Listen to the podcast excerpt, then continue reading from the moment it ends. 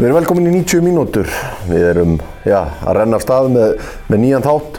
Það sjálfsögði í bóði Pepsi Max. Pepsi Max-dildin er farin að rúla og það er ekkert betra en þegar fókbóltasumar er byrjað og maður getur fengið sér eina ískalda Pepsi Max yfir leiknum. Við erum heppin með gæst í dag. Það er alvöru gæi. Hann leki 17 ári aðdunumönsku. Lekið við 50 landsleiki og er farin að hafa mikil áhrif í íslenskum fókbólt í dag. Hann var fyrir nokkru mánuðum síðan ráðinn undir 21 ás landsliðstjálfari og var í vikunni ráðin yfirmaður knaspinnumál. Ég býð velkomin til leiks Arnar Þór Viðarsson.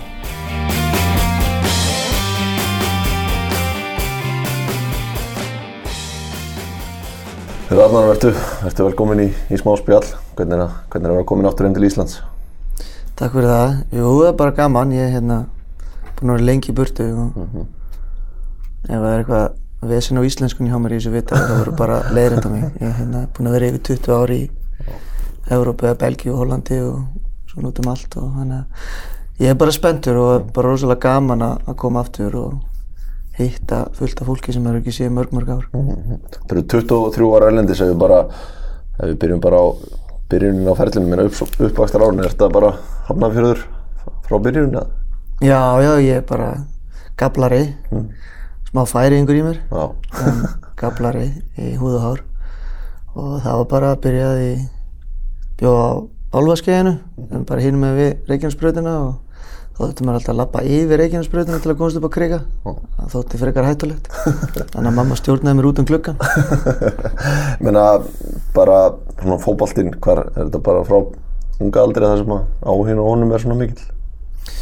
Já, í raunni, þetta er náttúrulega bara gegnum pappa náttúrulega mikið og hann var náttúrulega bara að spila með FA á þessum tíma og FA var svona jójó upp og niður fyrstu og annar deildinni og mín fyrstu, fyrstu minn, mína fyrstu minningar af íþróttum er náttúrulega bara í rauninni upp á krika í, í aðalvellinum og náttúrulega mikið meiri, það var mikið meira hraun og svona í kringum þetta þá og, og svona mína fyrstu minningar er rauninni bara að ég er að kalla pappa Já, þá gæti maður verið á hliðalínu sko, á hægri bakur og maður gæti alltaf verið á annar, annar hliðalínu fyrir það setna áleik og þá gæti maður alltaf verið að kalla á hann sko, þótti það voða skrítið að hann skildi aldrei svara manni þegar hann var að spila.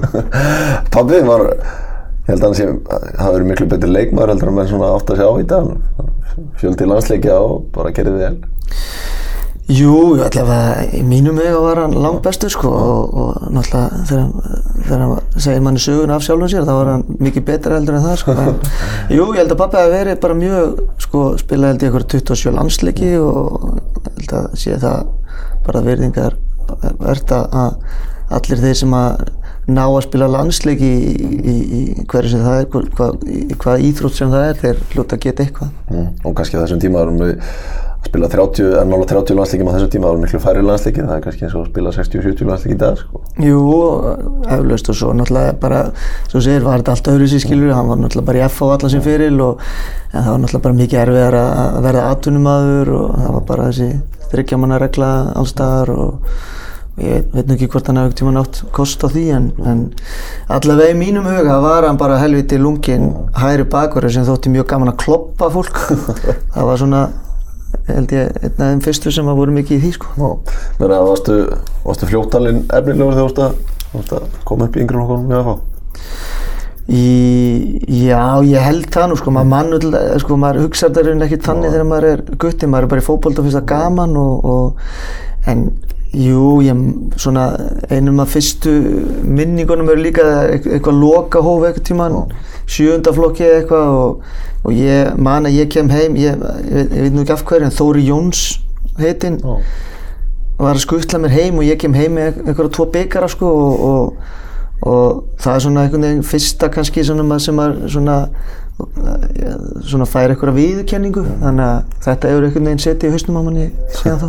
Varstu, voruð þið með öllu yngjurflokka að fá þegar þú ert að koma upp? Voruð þið góðir? Já, við vorum í rauninni mjög góðir. Við vorum Íslandsmeistarar í sjötta flokki og yfirleitt á yngra og eldra ári og fymta flokki að sama.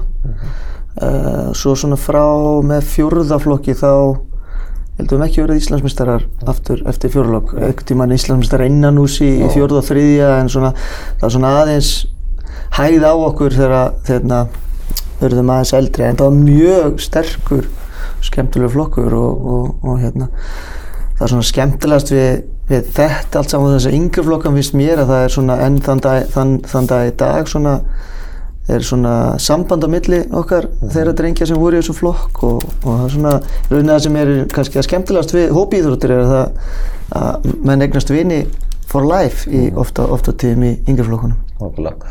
Mér að þegar þú komin í mestarlokkinni af það er 95, 17 ára gammal. Hvernig var að koma inn í það í lið sem að var í miklu ströggli? Jú, sko, það var náttúrulega bara, fyrir mig var það frábært og ég segja enn þann, þann dag í dag að besti skólinn fyrir unga leikmenn, ég var 17 ára og allir, sama, sama í dag, besti skólinn er að spila fullorðinsfótbolta sem fyrst og ég kem hann inn í lið sem að uh, var að koma úr mikill sko, já, mjög góður rönni, veldi að vera öðru sæti ári áður og, og, og hérna og ljófa þjálfari og svo byrjaði held ég þetta tímabil mjög vel vinna fyrst tvo leikina eða eitthvað og svo bara fer allt í allt í rugl og tapa, tapa, tapa og, og Óli hendi mér hann inn eitthvað tíma ég held að það verið mútið leiftri, nýjundu umferð ef mann er rétt, kriganum og gerum jafntefli í þeim leik. Og það var bara náttúrulega fyrir ungan dreng. Já, draumur, að, draumur í dós að fá að spila það var, ég var að spila með Óla Kristjáns og Ötta Magg og öllum þessum kempum sko sem, maður var búin að vera að horfa á frá því maður var bara gutti Ná, Auðun Helga hérna og... Já, og svo, þetta við með þess að ég spila með þess að Evrópuleiki á þessu tímubili og Já, ok. síðan að vísu, ég held að Óli hætti hættir hérna bara í lókmóts og Ingi Björn Alberts tekur við Já. og við föllum þetta ár en það var sama, ég held ég að spila eitthvað nýju leiki þetta fyrst tímbil og eins og ég segi, þetta er eitthvað sem að maður, maður man alveg, skilur, það er nú orðið ansið langt síðan þetta, er, þetta voru mín fyrstu skref í fullónisknaspinu og ég var 17 ára og ég var nú ekki, ekki stór nýja líka með þetta atgerfi eitthvað mikið þannig að og á þessum tíma var maður bara tannstöngul sko og þetta var bara Ég man ennþá eftir þessum Evrópuleikjum og þessum leikjum í deildinni og það að fá að æfa með veist, þessum landslísmönnum, mm. Óli Kristjáns og, og ég held að Andri Martins, ég veit nú hvort Andri Martins verið hann ennþá en, en, en allavega sko maður æfði með öllum þessum góðu leikmönnum og, og það hjálpaði maður rosalega mikið í, sérstaklega þegar maður er að taka sín fyrstu skrif í atvinnumennsku nokkrum árum áður. Þá er maður með mikið meir reynslu heldur en jafnaldrar mínir á þeim tíma, þeir hefði ekkert spilað að Hvernig horfið þú á þetta, minna bara eins og í dag þegar að við erum að sjá í meira mæli að menn eru farnir út áður en að þeir eru komnir í, í mestarlokkuna en heima, þú veist, balansin á milli því að það er erfitt að segja nefn einhverja klubb úti þegar þeir koma en svona að spila heima fyrst, hvernig, hvernig horfið þú á það? Sko það, er, það eru tveir, það eru tveir, tveir vegir það er náttúrulega margir vegir sem leiða til Rómaborgar en það er tvent í þessu sem að mér finnst vera sko annarkvort þurfa strákar að fá að spila hérna heima. Og mér finnst það náttúrulega aðdánuvert að það eru ákveðni klúpar núna í dag og ég held að klúparnir í dag séu að átta sig á því að, að við þurfum að gefa ungu strákunum okkar meiri sjansa. Og ungu strákunir okkar, þeir hefur gefið sjansa að þeir, þeir yfirleitt taka sjansana skilur og þeir eru bara betri heldur en við höldum oft sko og það er svolítið synd ef við erum að taka einhverja third ranks útlendinga og, og henda þeim í liði fyrir unga stráka hérna á Íslandi. Vegna þess að við erum ekkert að vera Evrópumistrar sko þó að þó við komumst í Evrópukjöfna þannig að það er allt í lagi að vera með aðeins fleiri unga stráka og gefa þeim meins meiri sjans þó að þurfi ekki, þeir þurfi ekki að spila alla leiki. Nei. þannig að það er eitt í þessu og það er rosalega mikilvægt áður um að fer út eða defnilegur að- að að eins- fara þá leið sem ég fór. En svo er náttúrulega líka hefur svona fótballnir breyst ro- rosalega mikið síðan þá og það er náttúrulega komnar miklu betri akademíur úti fyrir strákar sem eru 15-16 ára.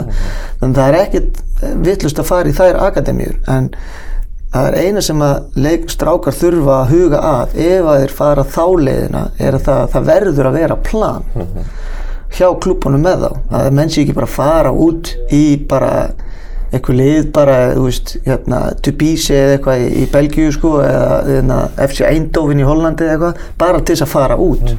Þá þarf þetta að fara á eitthvað stað þar sem er verið að vinna með leikmennum og það sem er verið að- gera eitthvað að viti. Og það er náttúrulega er líka okkar klubbana, fóreldrana og líka KSI að, að sjá til þess að þegar strákunir eru farnir út að það sé verið að vinna með þeim. Og við hérna getum til dæmis hjá KSI gert mikið betur í því að, að, að fylgjast með atvinnumannum okkar, sérstaklega ungu. ég meina tímabilu eftir það er tekur, tekur annað ár þá það er í næst efstu deild. Átjánleiki það er ekki bara gott að taka, taka heilt tímabil og þá vantar líka stóru hlutverki? Jú, sko, það var bara mjög, ég man nú aðeins minna eftir þessu tímbili, ég nú að viðkjöna það að ég, hérna, þetta var Ingi Björn byrjar þetta tímbili held ég, ég, veit, ég held hann hætti á miður tímbili og þetta var svolítið ennþá að gamla skólanum sko, það var, þú veist, fyrsta æfingin, já, Ingi Björni var bara upp á krika sko og þá var hérna, hann mætti bara eitthvað, klukkan 6 eitthvað og sagði, herru þið bara, trókaði þið löpi bara út á Reykjanesbröðina, alveg upp að þessum ljósum, snúið þar við og hlöpið tilbaka og svo liftningar eftir þá var hann bara náttúrulega búin að mæla út einhverja kilómetra frá þessu ljósum upp á krika og sinnum tveir og það var akkurat það sem hann vildi láta gera þennan daginn.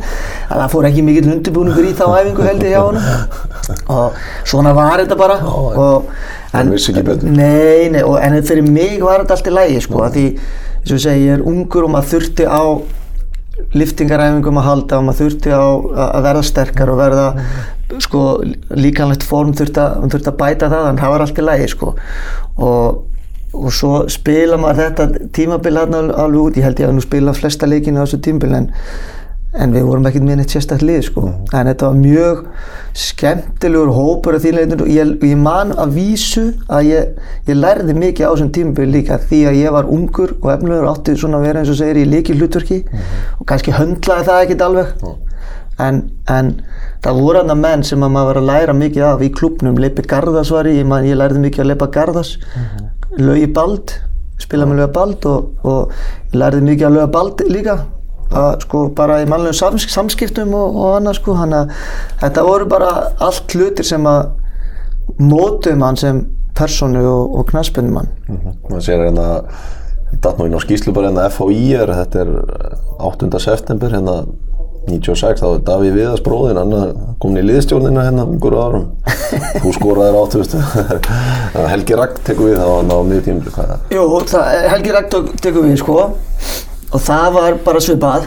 Það var ekki verið að það var ekki mikið taktík þessu yngafinni en Helgi Rakel er skemmtilegur skemmtilegur karakter sko og, og, og svona að svolítið farið á, á, á skapinu bara og verðum að berjast hérna og taka þetta saman og svona var þetta bara í FO á þessum tíma skilju það var, var ekki og held í mörgum klubum og þetta var bara mjög eðlert og það þótti ekkert það þótti ekkert aðtöfuvert við það er aðferði sem að hvorki Ingi Björn eða Helgi Rakel voru með sko. Þetta var bara eins og fókbalti var og þetta hefur náttúrulega bara snúist, veist 360 gráður sko eða 360, þetta komin aftur á samanpunktin 180, hérna síðan þá og hérna en eins og segi, maður, maður lærir af öllum og það er náttúrulega bara meiri sagði núna í atunmennskunni eftir að maður byrja að þjálfa sko, ég lærið á öllum þjálfurum sem ég var aðstofað hjá. Mm og það var oft fullt af lutin sem maður lærið sem maður alltaf alls ekki að gera sjálfur þannig að það er líka mikilvægt að læra það sko. En ef þú sagði á það, þú veist að koma bara, bara lítill og hóraður inn í mestralvlokk að þurfa að díla við bara fullvægsta kallmenn að svona kannski virkja það þurfa aðeins að hugsa hraða til að þurfa ekki að fara í náinn að fullu og svona þú veist að virkja heilan aðeins til, til að gera þetta hraða.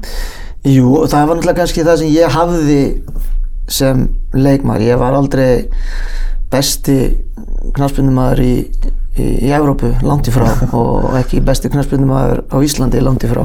Og, en, en ég tel nú að ég hafi kannski náð nánast öllu út á mínum ferli út, bara út, mjög mikið út frá mínum karakter og mínu svona mínum haus. Ég, hérna, ég var 14-15 ára gammal og, og yfir vetratíman sko þá var ég ekki í að byrja að fara í parti eða hvað sem er, ég var bara inn í bílskur hjá mamma og pappa og, og fór fyrst út að hlaupa og svo var ég bara að sippa og gera magahengar og, og þannig að þetta byrjar rauninni svolítið fljótt að hjá mér að ég, ég þurfti að nota það sem ég hafði og það var náttúrulega hausinn og maður þurfti að hugsa svolítið hraðar og svona leikskilningur var held ég til dæla góður hjá mér og þó að kannski maður, ég var ekki svo fljótasti, ég var ekki svo sterkasti, ég gæti ekki að hoppa hæðist en maður svolítið eh, svona lúmskur mm. og, og gæti svona nota það að vera svolítið oft svolítið pyrrandi Ég meina er á þessum tíma eftir þetta 95 og 96 tíma þá byrjaði að koma einhver svona áhuga auðan Sko í rauninni mm -hmm. Á þessum tíma. Þetta er, ég, þetta er svona fyrsta kynnslóðin ég er svona hluta fyrstu kynnslóðin sem að fer út og er úti allan minn feril, nánast. Og það er svona eins og hérna Eður og, og Brynja Gunnars og, og, og úst, Rúni og Addi kynnslóðin undan.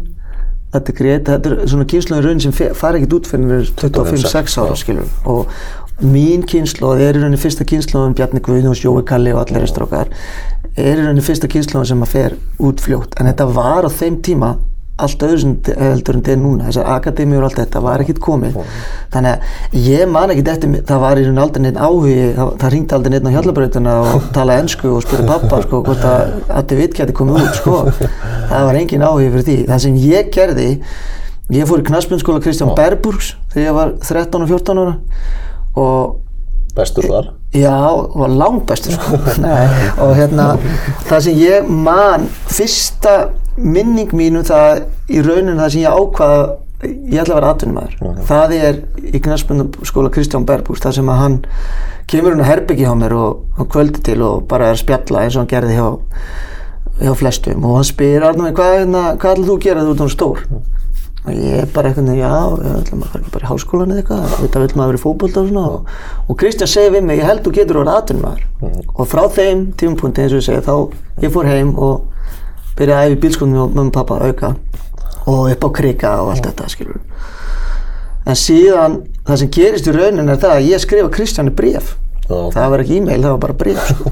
það var bara sendt postmerki til, til Belgíu og það er raunin Kristján sem að redda mér træjali hjá lókurinn þannig að það var enginn sem hafði áhuga mér þannig að ég hef svona svo, þurft svolítið að hafa fyrir þessu sjálfur sko, og, og mér finnst það líka bara frábært sko, að, og mun vera æfilega þakkláttur að Kristján er þakkláttur fyrir að hafa í rauninni hjálpað mér vegna þess að eftir þetta træjal þá ger ég samning við lókarinn Já. Ég fór í eina skóli líka, þetta er, ég held að það sé góðu skóli fyrir alla að fara, fara nú til hans og að minna hann er, hann er stoltur að þér, hann er þá að segja sögur að þér í dag og eða minna þannig á langt að þurfa þér að gera hlutin eins og þú. Jú, jú, ég held náttúrulega bara þú veist, fyrir Kristján náttúrulega er ég náttúrulega hans svona auglýsing þannig að en eins og þú segir og þú þú farið hann sjálfur, þetta er frábær skóli sko, ég veit ekki hvernig Man United skólinn er Ég eða fór allir í þessir Bobby Charlton sko, eða, þú veist, það er allavega ef ungi drengir að hlusta, þú lærir eitthvað þannig. Þetta er ekki bara leikur. Nei, það er nú akkurat málum með Kristján, hann er rosalega pottitur og þetta byrjaði raunin alltaf sem hann, hann vildi hafa knaspinskóla kom til Belgíu, knaspinskóla Kristján Berbús og æfði eins og atvinnumæður í viku. Og þetta er eins og að vera atvinnumæður í viku og það er allt inn í þessu. Og ég held að það sé ekki spurning að ef að og þetta er náttúrulega alltaf fullt skilur og það segir bara sitt skilur að því eins og maður veit skilur nöfnin er oft veist, Man United og Madrid og Barcelona skólar þetta er ógeðslega spennandi allt skilur Kristján Berborg er náttúrulega ekki neitt stort nafn skilur en þetta er samt það góður skóli að þetta mun alltaf eh, svo framlega sem hann heldur áfram að vera með þetta þetta er mjög spennandi fyrir Það unga er drengi. þjálfara annar sem eru bara að starfa hjá Lókarinn og Já, Ajax já, og... Ajax og Club Brugge og svo eru, það er kannski það mest spennandi á Kristjáni það hann hefur alltaf verið með mjög góð sambönd og bara til dæmis yfir skátt Ajax kemur hverju einasta ári og horfur á nokkra æfingar. Þannig að ef menn geta eitthvað það er ekki lengi að vera að spotta það Og ég þannig að bara að þú já, hefur fyrir því hvernig, hvernig var að fara á reynslu Erlendis bara átjónur á... það var bara rosalega erfitt. Ég hérna fórum ég var, það var eftir páskana fórum páskana með F til Portugal æfingabúður og fór beint þaðan yfir til lókarinn og ég hérna það var bara ekkit, það var ekkit auðveld sko. Ég, þú þarft að sanna þér rosalega fljótt og, og ég er svona nú, ég, þannig gerður bara og hef komist að því svona gegnum lífi að ég er svona ekki kannski svo típa sem að getur bara sanna fyrir einhverjum að ég sé ógeðslega góður bara akkurat á þetta sammet sko. Ég hef verið yfirleitt svona þurft tíma til að vinna mér inn tröst hjá þjálfurum og, og, og bara klubbum og, en þegar að það hefur komið þá hefur maður yfirleitt verið mjög mikilvægur. Og það var alveg sama þar, ég var bara heppinn. Það var hann að þjálfari Rúti Kossei sem að var síðan aðstofþjálfari minn í mörg ár og er aðstofþjálfari Klubb Brugge í dag. Hafði mikla trú á mér og það var raunin bara hann sem að tróði sér gegn og eftir tvær vikur átti nú í rauninu bara að senda mig heim. Og, og þá rétt ég held að það hefur svona bara tveimtum ára til fóra heim þá spilaði einhvern æfingarleik og þá var ég átti held svona fyrsta skipti góðan leik. Og búin að spila tvo leiki sem voru ekkert sérstakir. Og þá einhvern veginn mátti ég verið tvær vikur viðbútt og, og svona eftir þær tvær vikur þá var hérna náðan að samfara fórsetanum að láta mig fá samning. Og ég meina, já, meina hvernig er að á þessum bara þessum árum og þessum aldrei að fara fara út og flytja einn? Ég sko, ég, þetta var bara eitthvað sem að ég hafði alltaf ætlað mér sko og hérna frá því þessum fundið með Kristján sko. Og ég hérna fóð bara út, ég var með eina ferðartösku og, og hérna appi sinu gula Möttifox fjallahjóli mitt. Fóð bara með það í, í, í flug til Amsterdam og lendi í Amsterdam. Og þurfti að taka lestina frá Amsterdam til Lokaren nema ég náttúrulega bara aldrei tekið lest sko á æfinni og, og var hérna með maður tvær hendur og allan að fara okkur á hjól sko og maður þurfti bara að redda sér. Og ég bara einhvern veginn veit eitthvað hvernig ég gera það. Ég man að ég, það var svolítið panik sko að maður, ég var hlaupandi á brautaballinu sko að þurfti að ná lestinni sko. En komst til Lókaren og fekk þar einhverja íbúð og svo bara byrjaði maður. Og ég var náttúrulega bara á einhverjum sko áhuga manna samningi þannilega skilur um að fekk bara eitthvað klink þannilega til að lifa. Og ég man alveg að í lók mánuðarins fyrstu mánuðina þá var maður að taka saman klinki sem maður átti í einhverjum, einhverjum, einhverjum glasi hérna á borðinu hjá sér til að bara til að geta kiptir eitthvað að borða sko. Það var náttúrulega ekkert það var ekkert frábært líf sko þannilega, þetta var ógeðslega gaman og ég var, en, en þetta var engin, engin luxus, alls ekki, langt í frá og hérna svo var maður eitthvað að reyna að elda hún í sig og það var náttúrulega bara allt hrátt kjöti sem maður var búið að setja á pöruna sko. Ég meina, þú veist, ertu, ferðu beintin í að æfa með aðalið, ertu í einhver úlingarlið þegar þú kemur að það?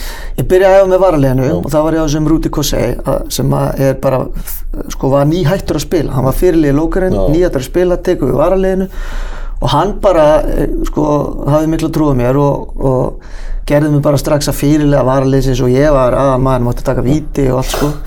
Og hérna, svo gerist það að ég á að spila nokkra þarna undirbúinstimbulun, nokkra leiki með æfingarleiki með aðaleginu nefnum ég lendi ykkur smá meðslum þannig að ég næð þeim leikum ekkert. Og þjálfari aðaliðsins þá eftir það að ég er rauninni mér var ráðlægt að sjúkraþjálfarnum að taka ekki þátt í leikjunum nema hann var á gamla skólanum og sagði hvað er þetta ykkur auðmiki hvað er ekki að harka af sér? Vill hann ekki spila fyrir mig? Og eftir það leita hann ekki við mér.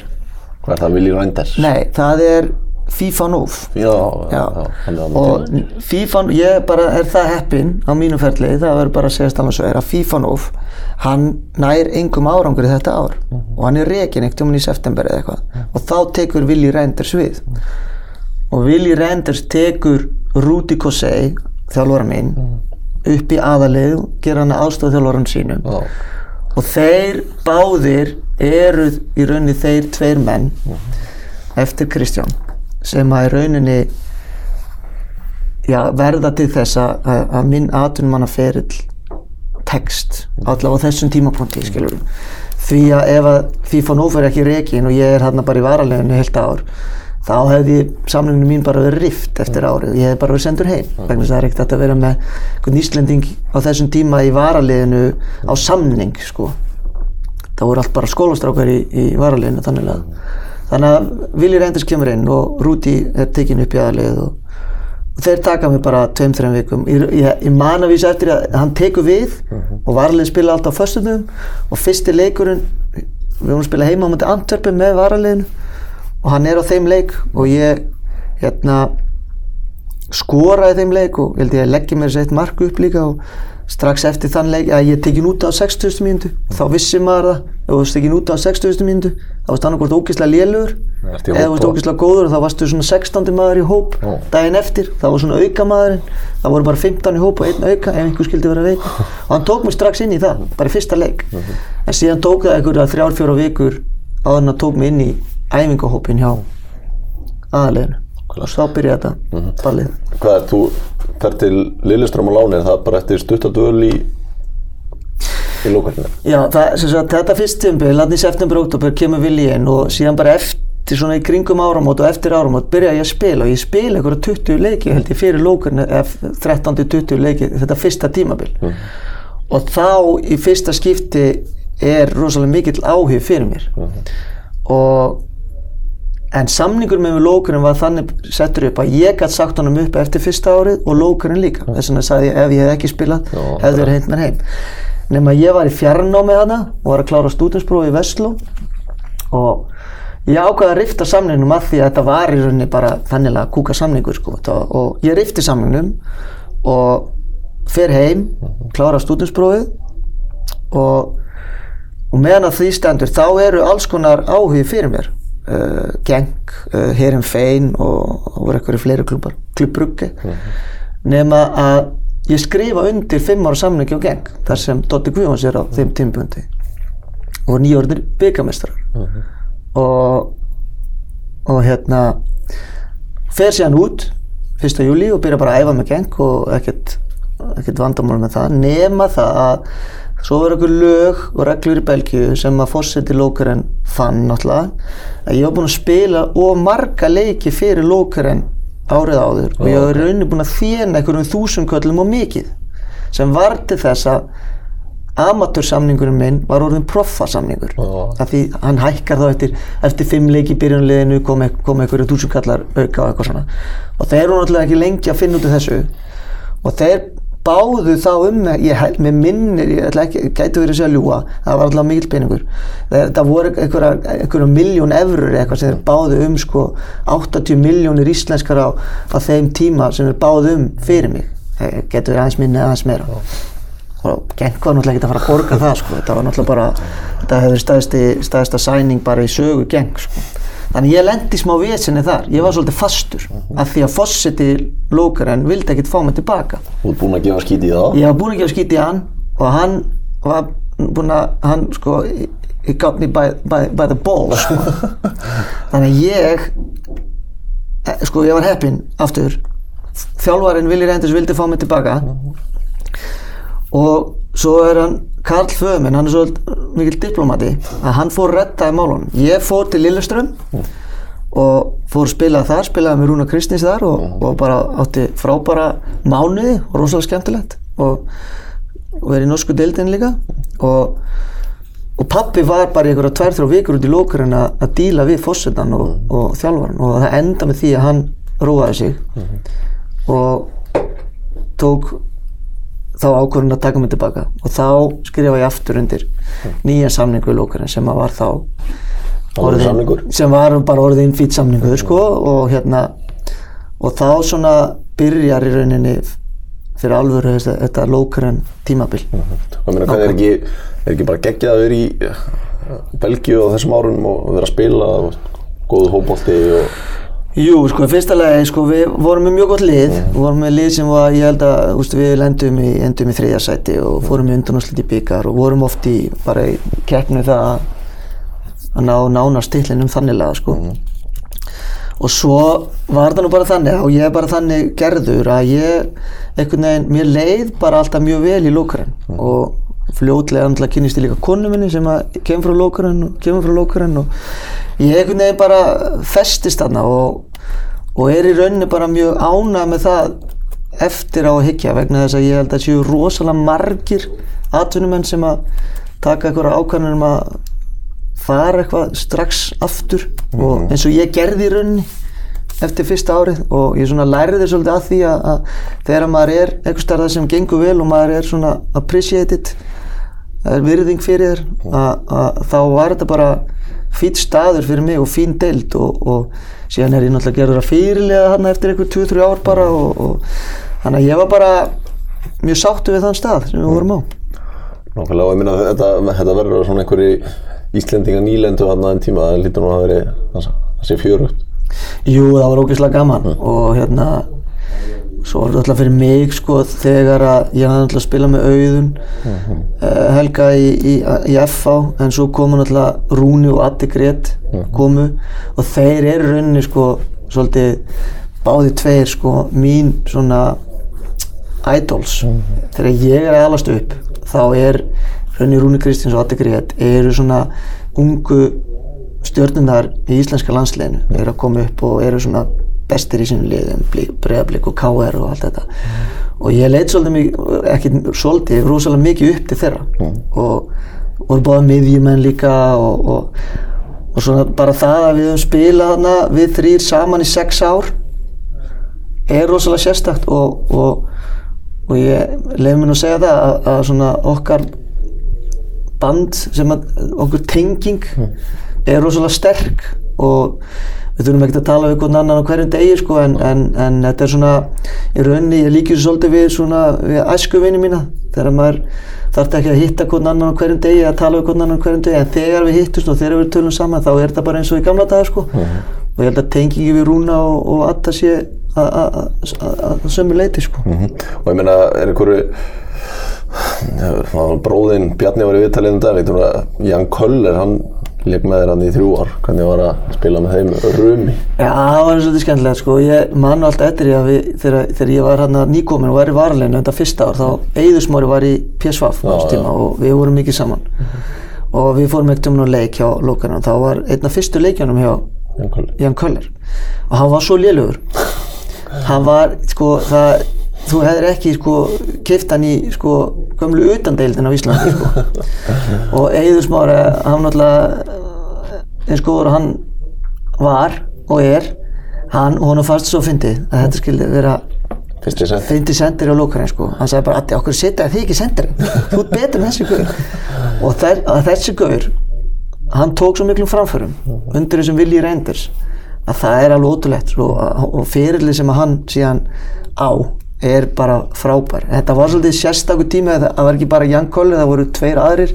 Þetta er áður en að Addi og Rúni og Auðun koma. Já. það voru nokkri tjekkar, eh, sko, tjekkar í þessu liði. Martin Penika. Já, Beniska, Budka og, og Roman Vonacek, sko tjekkniski landslísmenn Já. og ég man alltaf fyrsta æfingin hjá mér- hjá aðleginu þá lendi ég reit með þessum fjórum. Já, ok. og, og var ykkur einn annar það var fjóru og tvo og ég var alltaf nýja reit og ég var alltaf sko alveg á því að ég ætla ekki að sko, ég ætla að standa mig og ég byrja því Von, Roma Vonacek var á þeim tíma tjekknisku landsmaður, Jan Köller ekki en ég byrja því að bomba Roma Vonacek niður í þessu reit. Og það verður náttúrulega allt vittlust og ég heyri bara tjekknisku í kringum mig, hægri vinstri og, og hérna.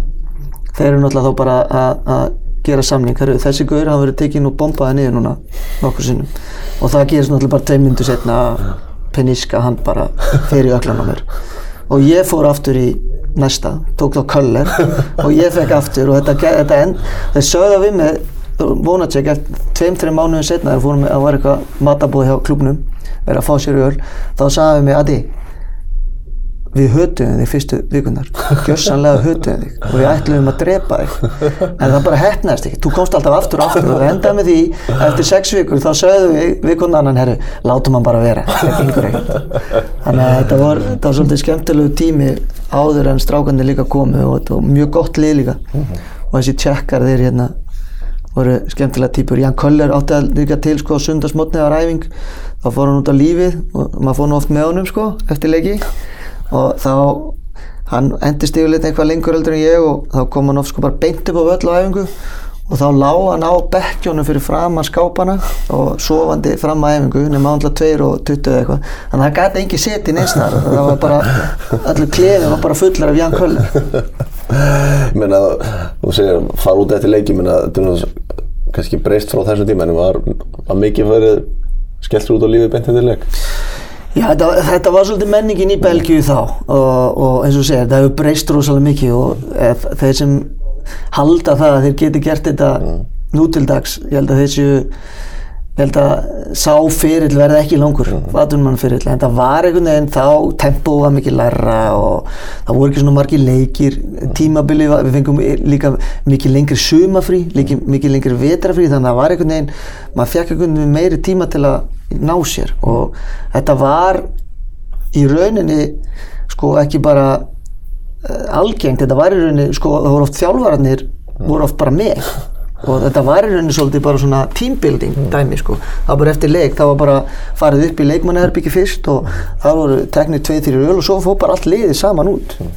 Og ég man nú eftir einu, það var fyrirlinn okkar Chris Janssens, hann er belgi spilaði einhverja landsleiki fyrir belgi. Hann, eh, ég var náttúrulega hann er til að byrja með sko, var bara 19 og, og fór hann með öll, öllum hóknum og það var bara eitthvað fram á nóttu og svo svam maður í einhverja klukktíma og svo mætti maður æfingu og, og þá þurfti maður líka að standa þessu æfingu skilur, það var, þú sko ef þú ætlar að vera stór strákur á kvöldin þá þurftir að vera stór strákur á mótnana líka. Allt leið með það maður ungu drengur og höndlaði það alveg og tekið á því. Svo var æfingi búinn, þá kemur Chris Janssens með markmannu til mín, sundarsmorgun eða hátti, eða gottu, við erum farnir. Og ég hefði hvað? Já, við erum að fara að fá okkur einn. Þá fóru þeir bara aftur. Og ég þurfti að passa það sko, ég náði því ekki alveg. Þá fóru þessi drengi bara sunnudeginu bara frá hádegi fram að, að minnati bara á okkur um pabbaröldi sko Frí á mándaginn, þá. Já, það var oft frí á mándi sko, og, það, og og stundum ekki sko, ef það var frí á mándi sko, þá áttu þér til að vera bara alveg fram á mótni sko. Að það, var náttúrulega allt annar, það held að það var náttúrulega verið í Englandi líka Já. svolítið mikið svona og, og, en, en þetta var breyst sem betur fer vegna þess að, eins og ég segi, ef að ungir drengir halda að þetta sé hægt í dag þá er það mikil miskilningur. Nákvæmlega, ég meina, þú ert þannig í, þetta eru nýju ári lókarinn og ert með átta þjálfara held ég að við tekjum það saman rétt, menna það er, hvernig er að vera í svona þessum endalessu breytingum, nýju menn, sanna sig aftur, Já, þetta var svolítið, e, e, sko, til að byrja með er þetta svolítið erfitt, mm. því þú ert ekki, maður er náttúrulega ungur og er ekki með fast sæti í liðinu. Síðan, svona eftir að, svona eftir 2-3 ár, þá eru Íslendingarnir allir komnir hérna, þá erum við í rauninni bara svolítið kjarnin að þessu liði og þá er rauninni fyrsta sem að þjálfarinn gerir þegar hann kemur, þá er hann það að bara að tala við okkur, þú veist. Ég var fyrirlið og, og svo var Addi og Rúni, þeir voru náttúrulega voru bestu menn liðsins og úst, þanniglega og, og þannig að við vorum náttúrulega þannig að það var ekkert vesið fyrir okkur að það var kemur nýju þjálfar þetta var bara, fossetin var svolítið erfiður og það er ekkert að ná við hefðum ekkert að náð aðeins betri árangur ef það hefði verið svolítið meiri svona structure í öllu sem var gert, það var svolítið emotional bara, þetta var svona emo fosseti og þetta var oft þannig að við vorum yfirleitt einu sinni til tvísvar í viku kallaður upp á skrifstofu hjá fósettanum og þá var hann öskra á okkur og skildi ekki af hverju að sko, Dotti Franski væri ekki í, í liðinu fyrir þennan og að við ættum náttúrulega bara að tala við þjálfarn og segja hann að setja þennan í liðið og einhverju Afrikubúar sem að hann átti þrjú liði í Afriku og þannig að þetta var svona svolítið skóndistöldum að vera sem leikmaðurinn á skrifstofu á fórsetanum og hann að teiknandi upp á eitthvað blað hvernig hann myndi stilla upp liðinu og, og ef að já, við áttum að koma til þjálfarans og ef að, svo, svo viku setna spilaði hann ekki aftur og þá, hvað, okkur sögðu þetta ekki við þjálfaran og það var svona svolítið surrealist stundum en, en, en það var alltaf oft þannig til þess að þeir þjálfara sem fylgd honum ekki þeir náttúrulega voru fljóttir að fljúa þannig að þú þurfti svolítið að vera helviti sterkur í mannlegum samskiptum til að lifa einhverja mánuð af sem þjálfara lókura Þú veist að nýja ár minna þetta er, er ekki bara he, svona annað heimili? Jú, jú, ég er náttúrulega eh, sko Alltaf búið alltaf búið í lókaren um hús bara þrjá kilometra frá vellinum og mínir drengir er í lókaren og, og eins og segi, kona mín kemur frá lókaren og þannig að þetta er náttúrulega bara eh, sko, í rauninni mitt félag. Ég á ekkert félag í rauninni lengur á Íslandi þanniglega, sko, ég er bara lókaramaður þanniglega og það er bara synd hvernig er svolítið farið fyrir klubnum núna undanfærin ára en og svo eins og ég segi svo þessi nýju ár eftir, eftir á hyggja þegar ég fer síðan til Hollands og svona þá fatta ég það að ég, var, ég var kannski búin að vera aðeins svo lengi til þess að, að ég, maður svo, ég, ég var orðin svo fastur inn í þessum lókarinn kassa sko að hérna það var svolítið erfitt að, að Já, og byrja okkur nýju sko, það tók svolítið langan tíma þannig að þetta var bara mjög og, og, og bara það að hafa spilað alla þessi leiki sem útlendingur fyrir lókurinn, það er ekkert margir sem að spila fleiri leiki fyrir lókurinn og, og ég finn það alveg að það er náttúrulega mjög mikil sko, virðing í minn gard allstaðar í, í bænum sko, þannig að það er bara mjög jákvæmt 2006 það er eftir þessi ár þá ferðu til Hollands 20 það er, var það ekki stórt skref?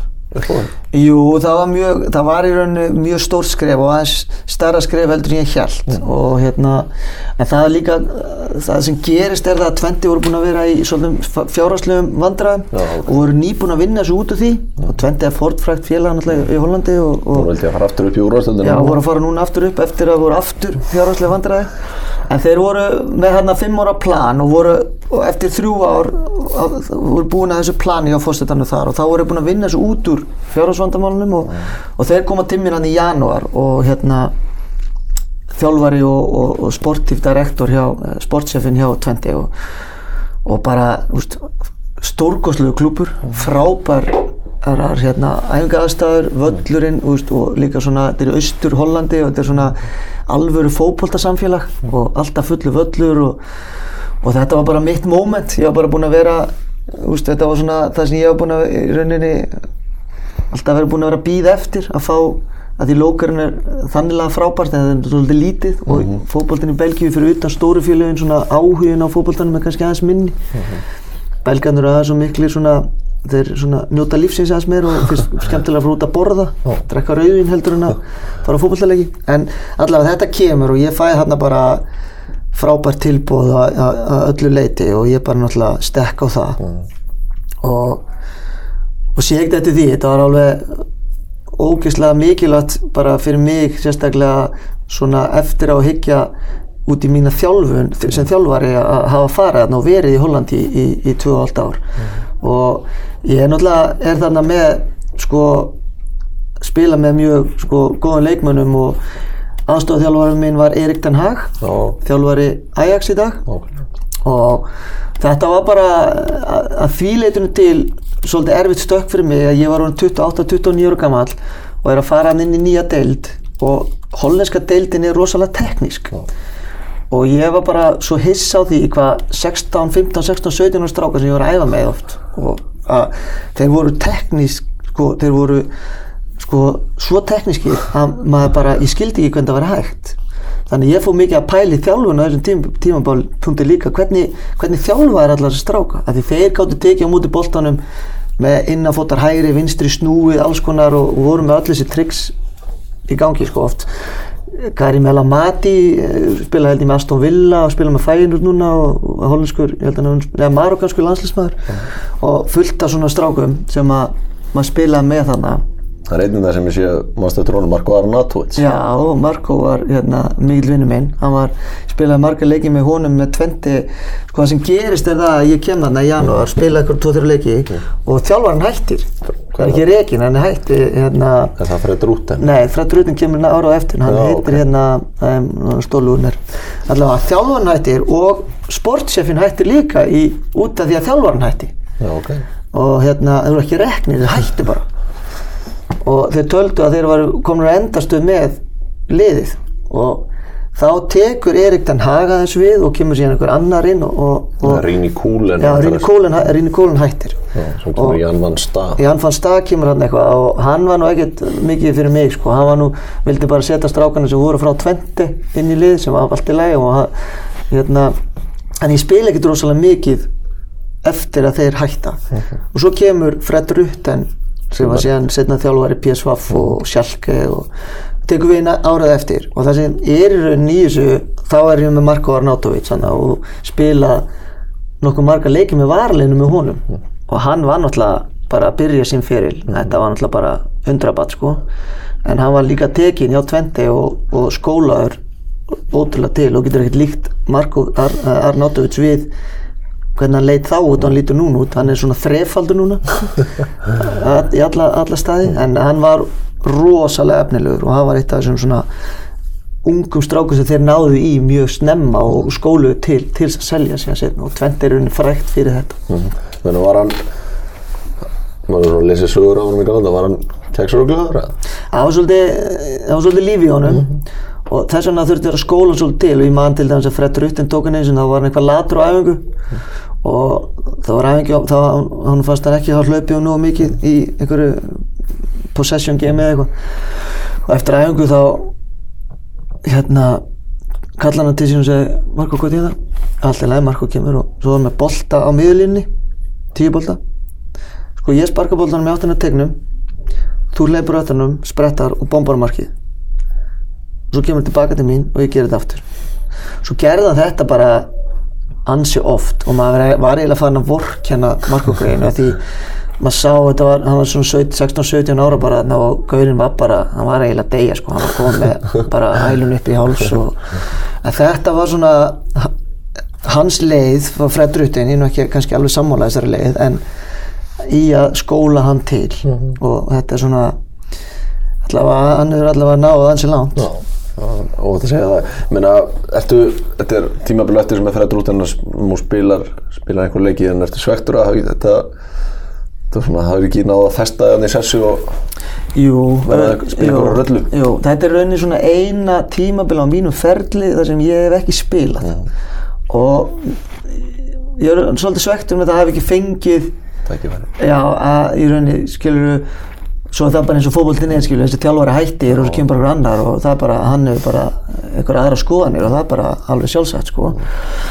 Þannig að þetta var svolítið, mér þótti svolítið leitt að hafa ekki náða að festa, með þarna í sessi og hérna en sko svo er ég lán svo, en Fred Rutten var rosalega sko góðu þjálfari þýleitin, hann var rosalega einn af bestu þjálfurum sem ég hef haft og hann notaði mig aldrei ég var alltaf á bekknum. En hann var rosalega hreinskilinn. Og hann sagði bara við mig sko Arnar, ég nota í minni le nota ég á miðjunni vilja hafa tekniskari leikmenn. Ég, þú meira svona breykar og bara mitt hlutverk í lókurinn var til þess alltaf bara að þú tekur boltan af anstæðingnum og þú lætur annarkvæmt rúna fá hann eða þetta greit hann og þeir gera bara restina. Og það var bara fínt. Og ég var bara sáttu við það. Nema hann hafði aðra sína á, á, á fótballanum og það sem hann sagði en það sem ég sé í þér Arnar er hafsend og ég spilaði, þeir leikir sem ég spilaði, spilaði sem hafsend ok. Og þótti það bara gaman. En til dæmis í Belgíu hefði engum dottið til hugar að setja mig sem hafsend af því ég var ekki nú stór þannig að þetta er svona munur svolítið á hollensku deildinni en hon- honum fannst ég sem hafsend úr og ég gætt spila boltan mútið vörðinni og nú góður það og það var talandi í mér og ég gætt organiserað og ég gætt hlaupið og ítt upp liðinu og svona. Þannig ég var rauninni bara þriðji hafsend þetta tímabil. Nema þeir meittust aldrei, voru aldrei í banni helvitis hafsendanir en, en svo var hann bara líka eftir tímabilið mjög hjálpsamur og, og fór bara í það að, ringja í klubba og til, a, til að lána mig og hjálpaði mér í því og þess vegna hann í rauninni kemur mig til þetta grafskap að því menn þekktu mig ekkert varst ekki búin að sp- spila nú? Nei. en hvernig, var það ekki bara 2007-2008 tímabil 32 deildarleiki bara í, í stóru hlutverki Jú, það var nefnilega frábært sko. þetta grafskap voru að koma upp, lítill klúpur það er kallaðir superbændunir og þetta er algjör svona bóndabær þannig að en þeir eru með 12.000 manna völl og hann er fullur og hver, hver minnsta heimaleik og hann er sko rosaleg grifja áriðinir eru bara ón í vellinum og þetta var ógeðslega gaman að spila þarna heilt tímbil og þeir voru komið upp úr annar deildinni og við höldum okkur í deildinni það bjóst engin við því, við áttum bara að fara að fara beint niður. Og þetta var rosalega skemmtilegt ár og þetta var svona aftur svona frá því byrjunni á ferlinu með lókanu þar sem maður lendir í svona svona hóp þar sem að allir leikmennu voru rosalega góði vinir og hafa gert mikið saman. Og sem var til þess að við náðum að halda okkur í deildinni. Og ég þetta kom- grafskap er svona svolítið jó-jó lið og hefur alltaf verið sko. ég hef komið hana völl þetta er, það er stefningan Ja, þetta er skemmtilega völlur, lítill en, en mjög, mjög skemmtilegur. Meina, já, það er svo, þú ert lánið þannig eitt tímabil, það tventið er svo 2008 er þá Stíma Klarinn tekur við. Já, Ertu, áttu einhverjum samskipti við hann ára og ferð svo? nei, í raunin ekki, vegna þess að það sem gerist náttúrulega eftir ég skrifundi þarna á 20 og þeir tekur við og Fred Rutten tekur við, það, það byrjar í rauninni rosalegt, sko, svona, svona, fa, sko, farsæl tímabili á 20 og Stíma Klarinn gera á misturum, Brudom gera á byggameisturum, uh, Fred Rutten enda öðru sæti og þetta er einhvern veginn bara að þeir byggja við völlin og þeir fara í Champions League og svo byrja að eyða allt og miklu peningum og Fara þeir kaupa Tadic sem er núna hjá Ajax og þeir kaupa fullt af einhverjum mönnum og allt og mikið pening og svo er þeir eitthvað líka svíkjum að skatti á einhverjum ákveðum tímpundi þegar þeir lendir í vesinni og það fer allt í steik. Þannig að þetta er alveg, ég fæ að taka þátt svolítið í það, því sem er að byrja og síðan þegar ég fer þá verða þeir meistarar og en ég talaði aldrei við McLaren vegna þess að eftir tímabili hjá hérna, til hrafskap þá gæti ég átti eitt ár eftir hjá, hjá Twente og, og gæti farið tilbaka og þeir vildu, veist, það var ekkert vandamál sko, ef ég hef komið tilbaka þeir vildu endilega hafa mig bara, en veist, þeir gátt ekkert lofa mér að ég myndi spila, sem að er náttúrulega bara ágætt að menn sé ekki að lofa því. En að hérna en þá kemur raunin Serkli Brugge inn í myndina og það sem var eiginlega helst í þessu hjá mér við vorum búin að vera í 2,5 ár í Hollandi og sko og nýkoða með annað barnu okkar og Fluttur þú til hún þess að bjósta Já, bara í við, Belgíu? nei, við fluttum öll til uh, Hollands, til Enskeiði Já. og hérna, byggum ekkert langt frá þessari frægu sko, flugalda hérna, versmiðu sem fór upp í loftið Eh, það var svaka flugaldarsýning þar. Þegar þú bjóst þarna? Nei, það var þarna rétt á undan. Já, ok. Eh, og það var, var, var einhverja rækjutundar sem fóru alltaf snemma upp í loftið þar. En hérna en við einhvern veginn náðum aldrei að fest okkur sem sko fjölskyldaðan í Hollandi. Við hérna eignumst í rauninni aldrei neina sko vini eða neitt skilu en það var að það var mjög gott fyrir okkur sem bara fjölskyldu, við vorum mjög svona þétt saman í því öllu en, en einhvern veginn náðum ekki að það var einhvern veginn ekki, já, komist einhvern veginn ekki inn í það samfélag og svona og ég einhvern veginn tek, sko, tek þá ákvörðunurinn bara sjálfur eftir að Serkle kom að ég sagði bara við konu, herru, við erum bara farin aftur til Belgíu. Og hérna þó að hún hefði alveg viljað hún hefði í rauninni viljað fara eitthvað annað skilur, heldur en aftur til Belgíu. En hérna, mér fannst svona ég vildi ekki taka áhættun á að vera fara eitthvað fekk bara gott já, fekk gott tilbúð frá Serkle og, og leist bara vel á það og vildi ekki vera að fara taka, fara ykkur, að leita ykkur um öðrum æfintýrum eitthvað staðar í hvað sem það væri í heiminum skilur við allt og einhvern veginn heimabundin til þess. Og ég menna þetta eru, já, 2008 í Serkli, ég menna er það lítill klúpur í Belgíu, minni en lókur en kannski? Jú, svona, jú. Og, en voru uh, árið áður, endur í þriðja fjórasæti og var svona heldur skemmtilegt svona ról svona á þeim. Og eftir, sko, fyrst þegar þeir komu hafði ég raun engan áhuga. En, en eftir að tala bæði við þjálfaran og, og, og sérstaklega sportsefin þá leist mér mjög vel á þetta. Og þeir, svo ég segi, ég var orðin þrítur og sportsefin þekkti mig frá mínum ferli hjá lókurinn og hann var með plan. Já, ok. og það plan stóðst síðan alveg og það plan, hluta því plani var að hann sagði bara við mig Arna, þú kem, þú, ég vil fá þig hingað inn. Og þú þarf að vera hérna aðal maður hjá okkur í einhver ár. Og ég mun sjá um öll þjálfari réttindi og þú kemur síðan inn í hérna klubb hérna hjá mér. Í hvaða hlutverki sem það verður. Og það stóðst síðan bara alveg. Og einhvern veginn ég var bara komin á það að landslið var búið og það var einhvern veginn ég var bara sáttur, mér, mér leist bara mjög vel á þetta plan, skilur, ég var ekkit ég, svo, ég er svo lítill ævintýra ég er svo lí- lítill ævintýra maður, sko ég hafði engan áhuga að vera að reyna að fara eitthvað til, þú veist, Kína. eða á þeim tíma var Rússland, sko, það var einu sinni þegar ég var lókur en þá kom Rússland inn og það var eiginlega búið að semja mig til, selja mig til Dínum á Moskva, þá var Rússland að, og ég fór þangað. Var þar einhverja þrjá daga. Þá ætli ég sagði bara við umbúðsmanni herru Guðanabæðinu pantaði flug, flug fyrir mig heim. Ég meika þetta ekkert sko. Og þá var ekkert, skilur þá var ekkert plan í gangi á þeim. Og það hefur svolítið loðað við mig að mig, það hefur að ég hef svona uh, vil frekar tek frekar sko Örgan kostin. öruga kostin og það er bara einhvern veginn eins og maður er. Já, það er bara, ég meina, var, nustu þess að vera í Serkli Brugu? það var l- sko líklegast sko fyrir utan tímabilið hjá lókurum með, með, með, með strákunum, íslensku strákunum var það skemmtilegasti tími feralsins og kem inn í það. Lítinn klúb eins og segir en er rosalega sko eru, þetta er, er Seglebrug og Klubbrug eru náttúrulega sko hérna, heimavelli. Heimavelli sko, eru sama velli og æfa við hliðin og hvort öðru. Nema Serglebrug er í rauninni klúbbur borgarinnar. Og klubbrug eru með að, að, áhörfundur að, að, að, aðdáðandur allstæðar að í Belgíu.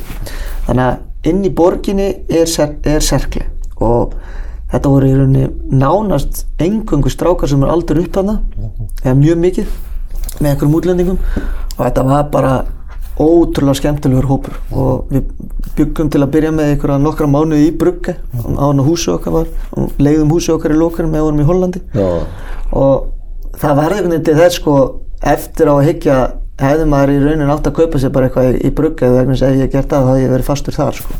Þetta var það sko við, það var allt það sem við höfum ekki í Hollandi var þar, mikill samskipti milli sko leikmannana og, og bara konan líka var í miklu samskipti við konur annara leikmanna og þetta var bara alveg frábær tími sko innan og utan vallar. Og minna kannski það sem að Íslendingar svona stendur upp á fyrir það upp á fyrir þá á þessu tíma er þegar að Eiður kemur og, og spila með hvað 2012-13 hvernig var að bara hvernig, hvernig tókst þér að samfara hann að koma koma hang Ég ég hef einhvern tíma sagt þetta sögu sko en, en sportchefin, þessi sami maður, ringir í mig á okkur en tímpunta og var, var svolítið ströggla okkur þetta árið eftir að það var svolítið sami og serkli og áttu mjög góð ár fyrstu árin sem ég var hana og, og, og spilum byggjurúsleita leiki og komum svona, þú veist, í- mjög nálægt í að komast í þetta play of eight og svona og séðan er eitthvað ströggla á okkur og hann ringir í mig á okkur mándaskvöldi eitthvað. Og herru þarna ég var að fá símtalina og við getum fengið Eðsmáru Guðjónsson. Og ég er henni bara springur hlátur og segi bara, Ívan, þú ert að djóka ekki? Nei, nei, nei, ég segi þetta er ekkert að fara að ganga sko. ég getum ekkert búið upp á það að Eður Smári Guðjónsson sem kom í Serkli Brugge sko. og ég segi við hann, ég skal ringi hann og tjekka hvernig staðan er og ég ringi Eður Smári og, og hérna og hann hafði heyrt af þessu og einhvern veginn og var að, vildi koma sér í gang eftir fótbróti í Gríklandi og og náttúrulega við vorum búin að vera vinir mjög lengi og frá í 93 rauninni, já, í rauninni sko atvinnumanna ferlin eða ringun og atvinnumannaferlinum voru við að loka hann þarna því þetta byrjaði allt 97 þegar ég fyrir til lókurinn og hann er á eindóin og við vorum nánast daglega saman. Og ég var til, til dæmis ekki til að byrja með ekki með neitt bíl. Þá kom Eiður og náði í mig og við fórum til Eindhoven til að horfa okkur leiki og sko svo daginn eftir var kannski ekki æfingi á honum að ég var mittur og þá fór ég á bílnum til Lókaren og kerði sér aftur til Eindhoven setnipartin þetta var svona, þú veist það var einn og hálfu tíma að kera og við vorum eins og litli drengir sko og, og, og var mjög gaman hjá okkur þú veist, á þessum tíma. Og svo í rauninni öll þessi ár þegar hann er að koma til Serkle þá erum við í rauninni að loka þessu ring aftur það eru aftur saman svona mikið og svo náttúrulega landslýsferillin voru við herbyggisfélagar þannig að þetta einhvern veginn, ég veit eiginlega ekki þetta var bara í rauninni einhvern veginn örlögin voru þannig að og þetta var bara ógeðslega gaman. Og hérna nema það að maður náttúrulega ég hafði aldrei spilað með honum sko í félagsliði náttúrulega í landsliðinu oft en að æfa með honum í þessa mánuð og spila með honum í þessa mánuð þetta, þetta var fyrir mig var þetta ógeðslega sko skemmtilegt að við, við fórum náttúrulega mjög oft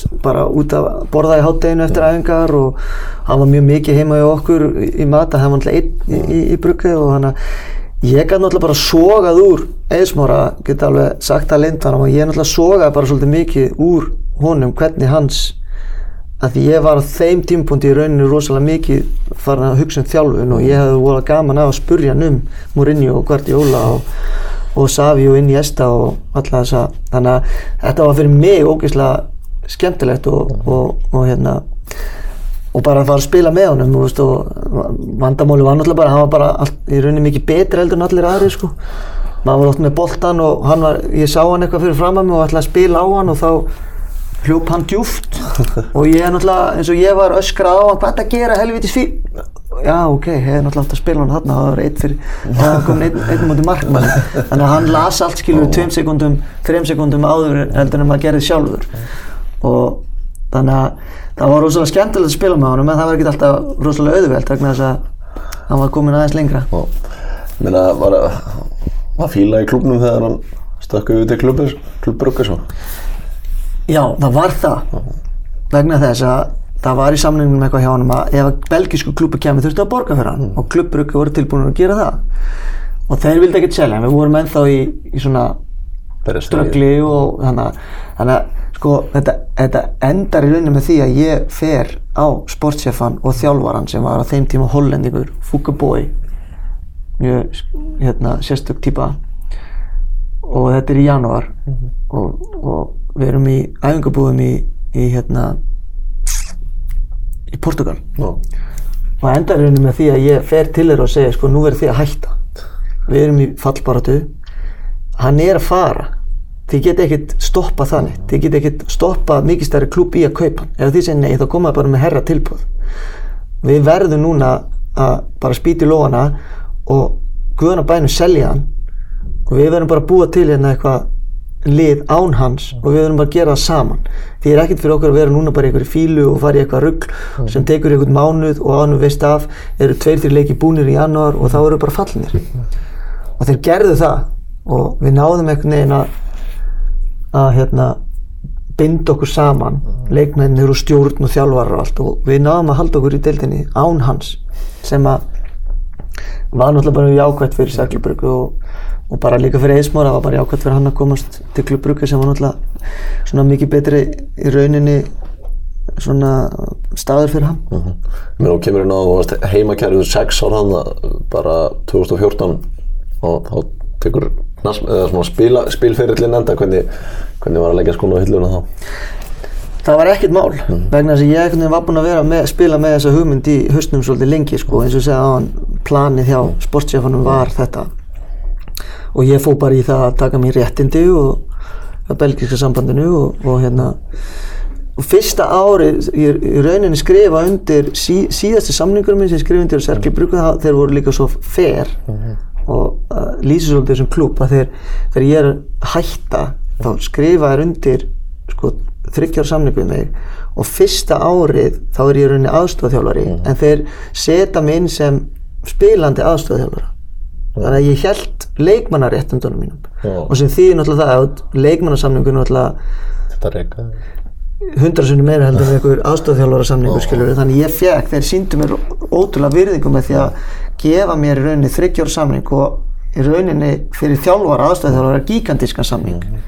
Og hérna það er náttúrulega bara hluta þessu held ég Já, líka skilið eitthvað gott og- já, gera akkurat, einmitt, og það er náttúrulega akkurat það sem ég hef svona alltaf sagt, ég er heimakjær og svona teka alltaf þetta öruga kannski ekki mikið í kasinónu en það skila sér líka í þessu það er náttúrulega eins og bæði lókaren mikil virðing gagvart mér og, og eftir, fer náttúrulega þangað síðan setna að vinna aftur. Og þetta er á Serklebruggu líka að og bara eins og ég segja á hann þegar, þegar ég er að tala um það ég er að fara inn á fund með þjálfarunum sportsefanum og fossetanum og ég er raun að segja hvað ég er að gera. Það er bara því að ég er búin að vera á þeim tíma í fjögur-fimm ár og er rauninni einna mikilvægastu mönnum liðsins að, að, þessu leitinu til, ekki kannski fótbollalega sé, en, en það bara að geta lesið aðstöðuna, hvernig erum við að fara að bjarga okkur út úr þessu skil, það var náttúrulega svolítið minn leikur að að lesa leikin, sko ég var náttúrulega rauninni svolítið ofta tíðum, sérstaklega setnipartin á ferlinum, bara svolítið þjálfar inn á vellinum og svona svolítið framlenging að snúra fyrir þjálfaran inn á vellinum og, og þetta var svona ekki erfitt að fara yfir þetta að því, ég, segja, ég mátti sko, ég æfði oft með liðinu fyrsta árið. Og þjálfarinn að, sagði oft við mig fyrir, að ég, ég seti í lið. Þannig að ég þurfti alltaf að svolítið fyrsta ára að tempa, eða sko halda því niður og segja, herri, ég, sko, þú ert ekkert að fara að setja mig í liðið vegna þess að við erum með ungan dreng hérna á bekknum sem þú setur fyrst í lið á hann og setur mig í lið.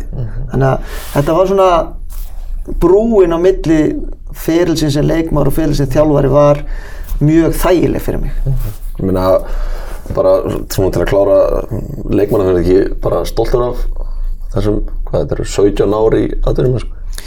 Jú, ég sagði hérna á en ég er mjög stoltur af þessu og ég held að ég hefði svona bara náð mestu út úr mínum ferli sem ég gat náð og þetta, þú veist, veit maður aldrei ef og hefði sko. En, en ég, sko, bara nóri greitt sko, ég, það sem ég er stoltastur af er það hvað ég spila marga leiki.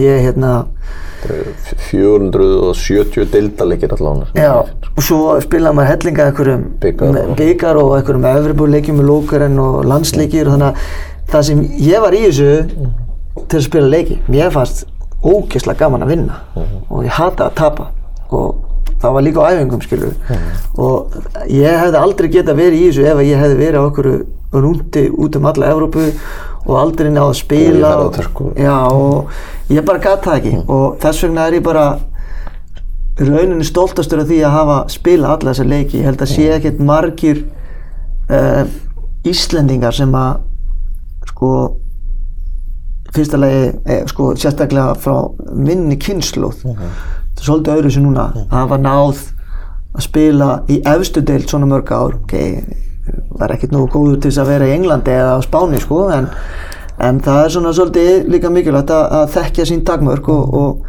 og, og vera með plan. Og ég er bara nokkuð sáttu með mitt plan. Mm. Menni, ef við tökum landslýsferðin, það eru, menna, hvernig 552 landsleikir fyrstileikur, 98 gegn Suður ég að það veri. Gauðúrar Hvernig var að koma inn í allandsliði? það var bara útrúlega lærdómsrikt og hérna var að koma svolítið upp úr svolítið skemmtilega undir 21 ásliði ég var undir 19 og ég var tekinn beint upp í 21 ás af Alla Eðvalds. Og Alli var með rosalega spennandi hugmyndir um fótbolta á þeim tíma. Spilum 4-4-2 og hann var með ákveðna taktik sem að vísa öllu inn á við sem að aldrei hefði sést bara á Íslandi. Og við náðum rosalega góðum árangri Gott Og- lið líka. Já, mjög gott lið og skemmtilegt lið. Og hérna og Gauji tekum við síðan hann inn í ég held, er ekki sem leikur í Þískaland eitthvað eða mútið Suður Afrika eitthvað? Ég held að skil, allavega skiptir ekki öllu máli en hérna svona fyrstu leikinu með Gauja voru ógeðslega það var þetta lið sem var að standa sér svo vel.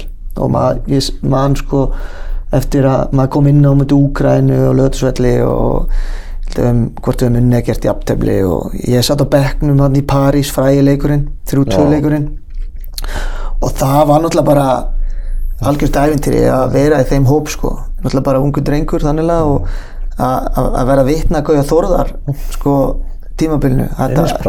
Já, Gauja var snillingur á þeim tíma, hann var, ég, ég mun aldrei gleyma því, þeir voru held ég nýjórnar heimsmeistarar eða kemur undir voru heims, eða Evropameistarar heimsmeistarar. Heimsmeistarar 98. heimsmeistarar 98 og fyrir þann leik að sitja fundi með Gauja Þórðar og heyra hann tala um Didier Deschamps og Desailly og Zidane.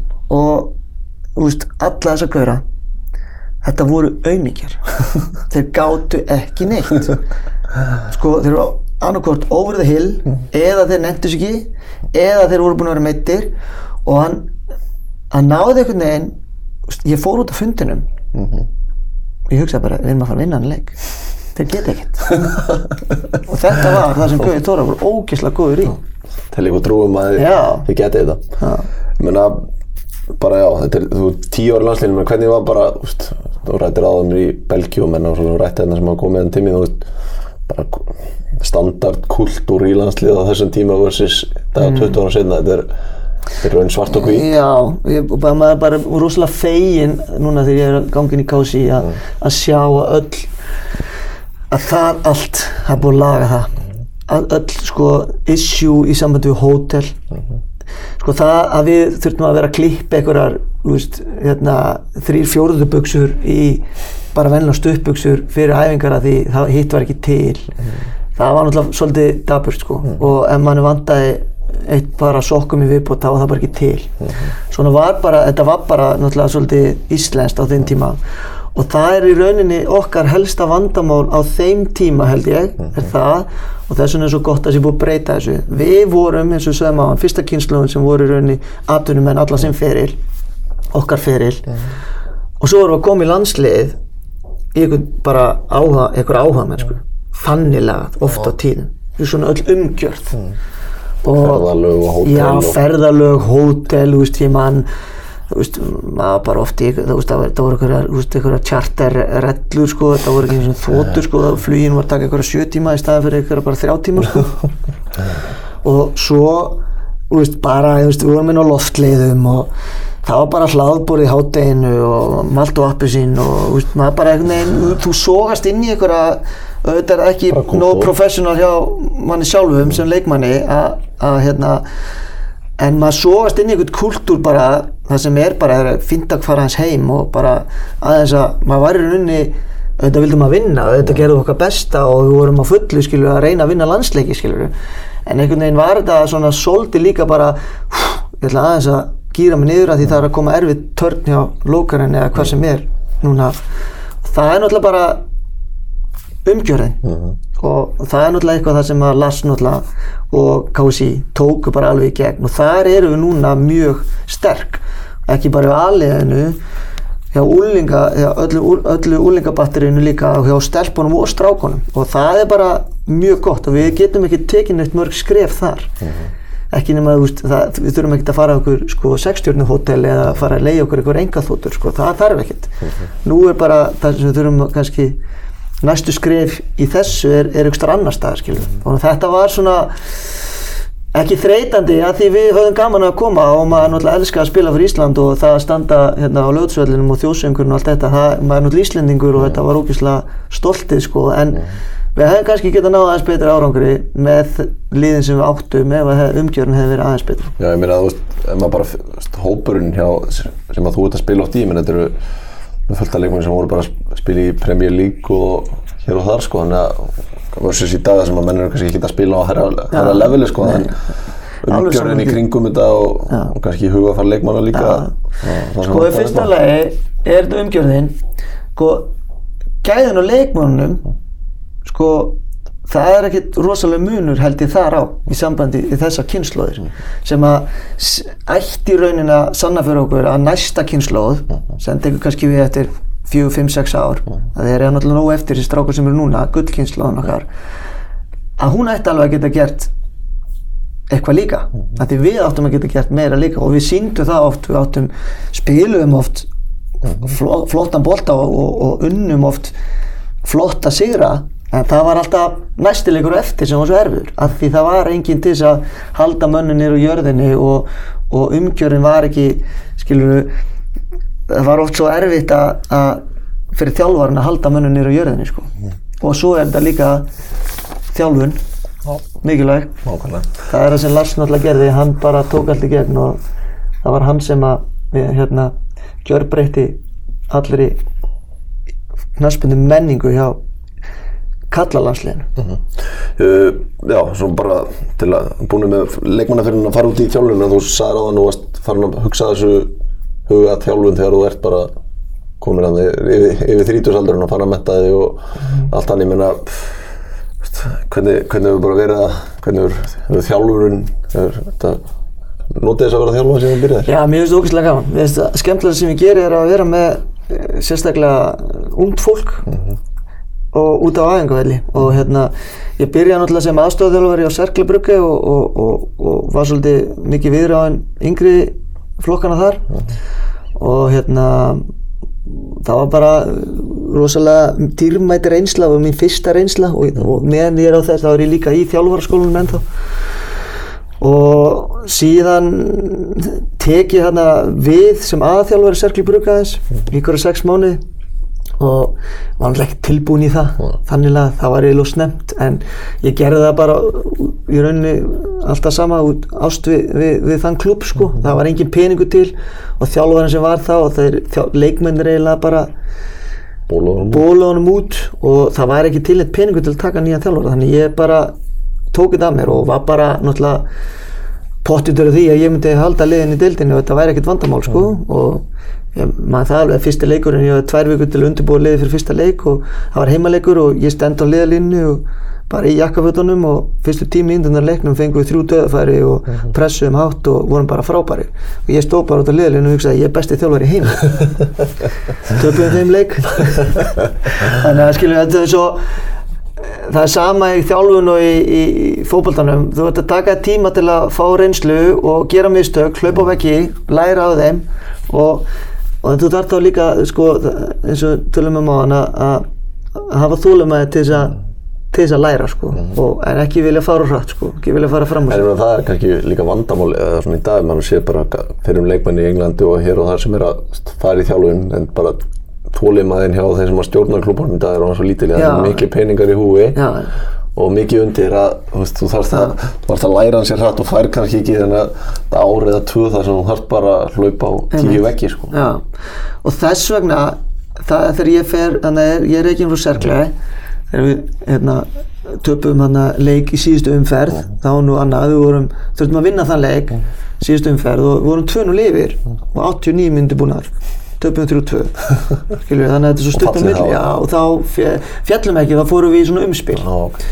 og endum í þriðja næsta sæti og, og, og, og þá ættum við að fóra í umspil. En hefðu vunnið leikinn þá hefðu bara bjargað okkur og þetta er svo, svo surrealist skilur við 89 myndi búin og 2-0 lifir og svona er bara ekki, hvað, hvað maður að gera sem þjálfari? Þú getur ekkert gerst skilur þú getur tekið bara leikli eins og í körfunni. Káur tók bara leikli í gær þegar það var eitthvað vesen.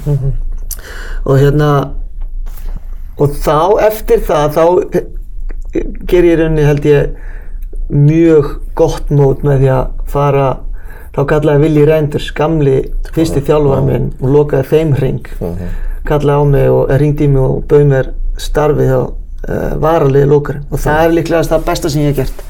Vegna þess að ég var uh, þar í tvö ár og þar fekk ég þann tíma til þess að hlaupa á veggi og gera mistök og prófa mig áfram með leiksystem og, og æfingar og, og bara þjálfun almennt og, og hann tók mig líka þar inn í yngri flokkunina hjá lókarinn og afreiksmótunina þar og baði mig um að endur skipulegja hann alveg frá aðtölu og þetta var einhver hinga til minn besti tími sem, sem þjálfari. En alltaf ekki einhver 20 ára reynslu þetta var svona sá tími þar sem ég lærið mest og maður gerði mest og var bara í endalust að prófa eitthvað og, og, og koma að staði hvað, hvað mér finnst.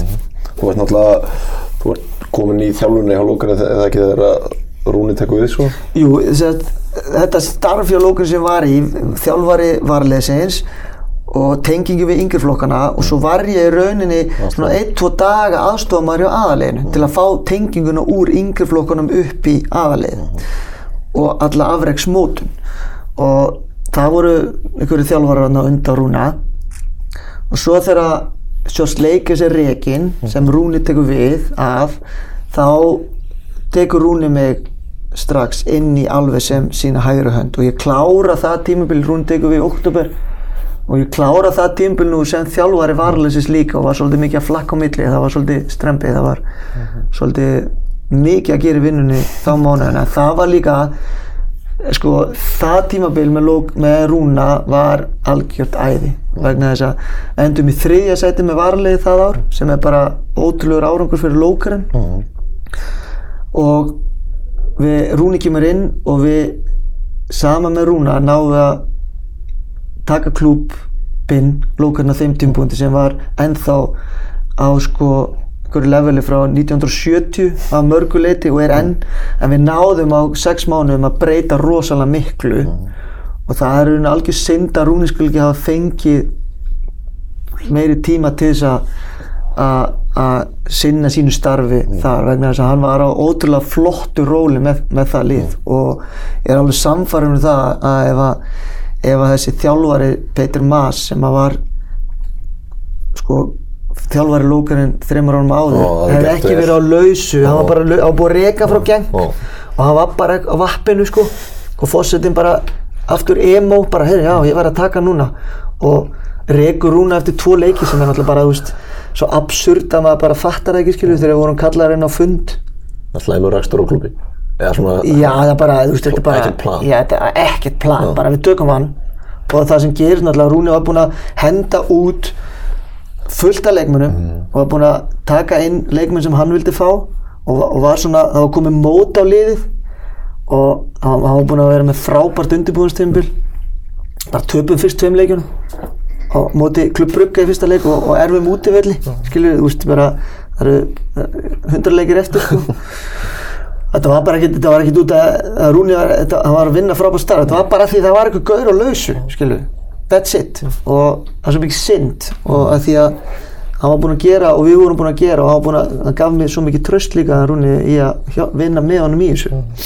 Það var svolítið leiðilegt en hérna, svona er þetta bara. Þú heldur áfram með klubnum og ég meina alveg þangað til bara í ári ég meina en svona í millitíðin áttu búin að já, eða bara klára lókun hvað, hvað gerist á, á þessu tímabili Já, þessu, eftir að Rúni rekin þá, sko, ég mátti vera áfram og það átti Rúni að reka mig líka nema þessi Willi Renders náði að halda mér sko, inn í klubnum og þetta, það sem gerist í rauninni frá þessum tímapunkti þá er þetta rauninni bara fyrir mig persónlega alveg gjössanlega downhill skilur. það kemur hann inn þjálfari sem að ég hafði enga tengingu við hvorki sko hann náttúrulega treysti mér heldur ekkert að ég var náttúrulega við hans sögum vinnur hans Rúna. Og hann, hans sín á fótbolta var bara allt önnur sem að ég hafði og þannig ég, mitt hlutverk sem aðstöðþjálfari var bara mjög lítið. Og ég svona reyndi að vinna mína vinnu bara þá í, í afreiksmótun og öllu því. En þetta varði einhvern veginn alltaf bara verra og verra og verra og það enda með því þarna núna síðast að fyrir ári síðan eh, rúmla, sko, rúmla árið síðan ég, þá ringi Freyr í mig og, og spyr mig hvort að ég hérna sé til í að taka að mig smá njúsnum fyrir íslenska landslið, belgana, að því ég náttúrulega þekkti til. Og þannig byrjar rauninni þetta, þetta KSI dæmi sem er núna Fullu. já fullu og þetta var einhvern veginn kom einhvern veginn eins og alltaf allt í lífinu einhvern veginn einhverjir ringir sem eru að lokast og, og hérna. Og eitt leita öðru og ég einhvern veginn var bara komin á endastöðu hjá lókurinn og ég, þegar ég er rekin síðan núna í janúar þá kem, fer maður aftur aðeins út úr þessum kassa sko.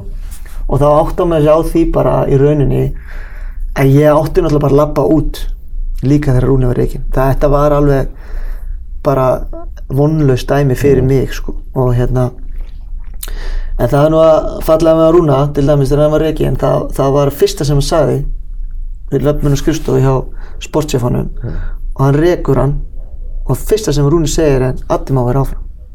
Er það ekki pottitt og það lýsir svolítið Rúna sem personu og hérna hérna en svona eftir að higgja þá var þetta bara vonlust dæmi að öllu leiti skilur, eftir það að því ég þetta tröst sem að ég hafði frá sportsefanum, hann var síðan reikin þetta, þetta búið að reika svo mikið fólki að undanfæri mánuði að þetta er eiginlega sorglegt.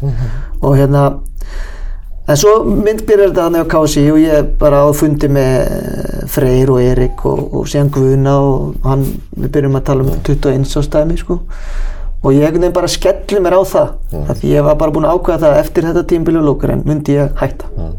og hérna, ef myndi segja upp mínu samning og þeir náttúrulega bara hjálpuðu mér með því að reyka mig í januar þannig að hérna svona einhvern veginn bara gerist eitthvað allt í lífinu og eftir það þá ferir henni alltaf fullt með þetta yfir maður knaspunumóla að taka það með og að því að starfið sem landslistjálfari U21 er í raunin ekki fullt starf þannig skilju, það er sko ja, ég gæti haft það sem fullt starf en þá þurfti ég ekki, þá þætti mér svona svolítið, var ég, þá var ég ekki þætti mér ekki þurfa að vinna mikið fyrir mm. mínu launum ég er svona, vill frekar hafa nóg að gera og að það sé ekki hægt að segja að maður sé bara í ykkur, ykkur fríðindum sko.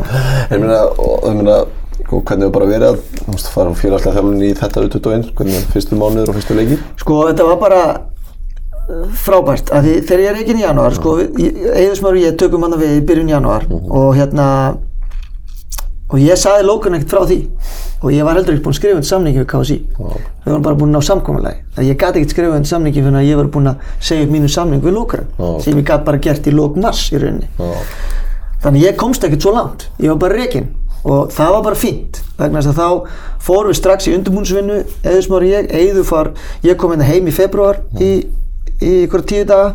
Lengjubíkarna var að byrja. Fórum alla leiki sem við gáttum farið á. Ringdum í mjög marga þjálfara. Mann er aldrei að ringja alla sko. Maður vill alltaf ringja alla en það næst ekki alltaf.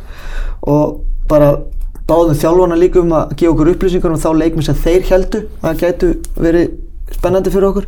Og svo tókum við bara æfingahelgi í februar og það var rauninni bara fyrsta sem við gerum við köllum bara strákan inn og stóran hóp bara strákar sem voru hérna heima.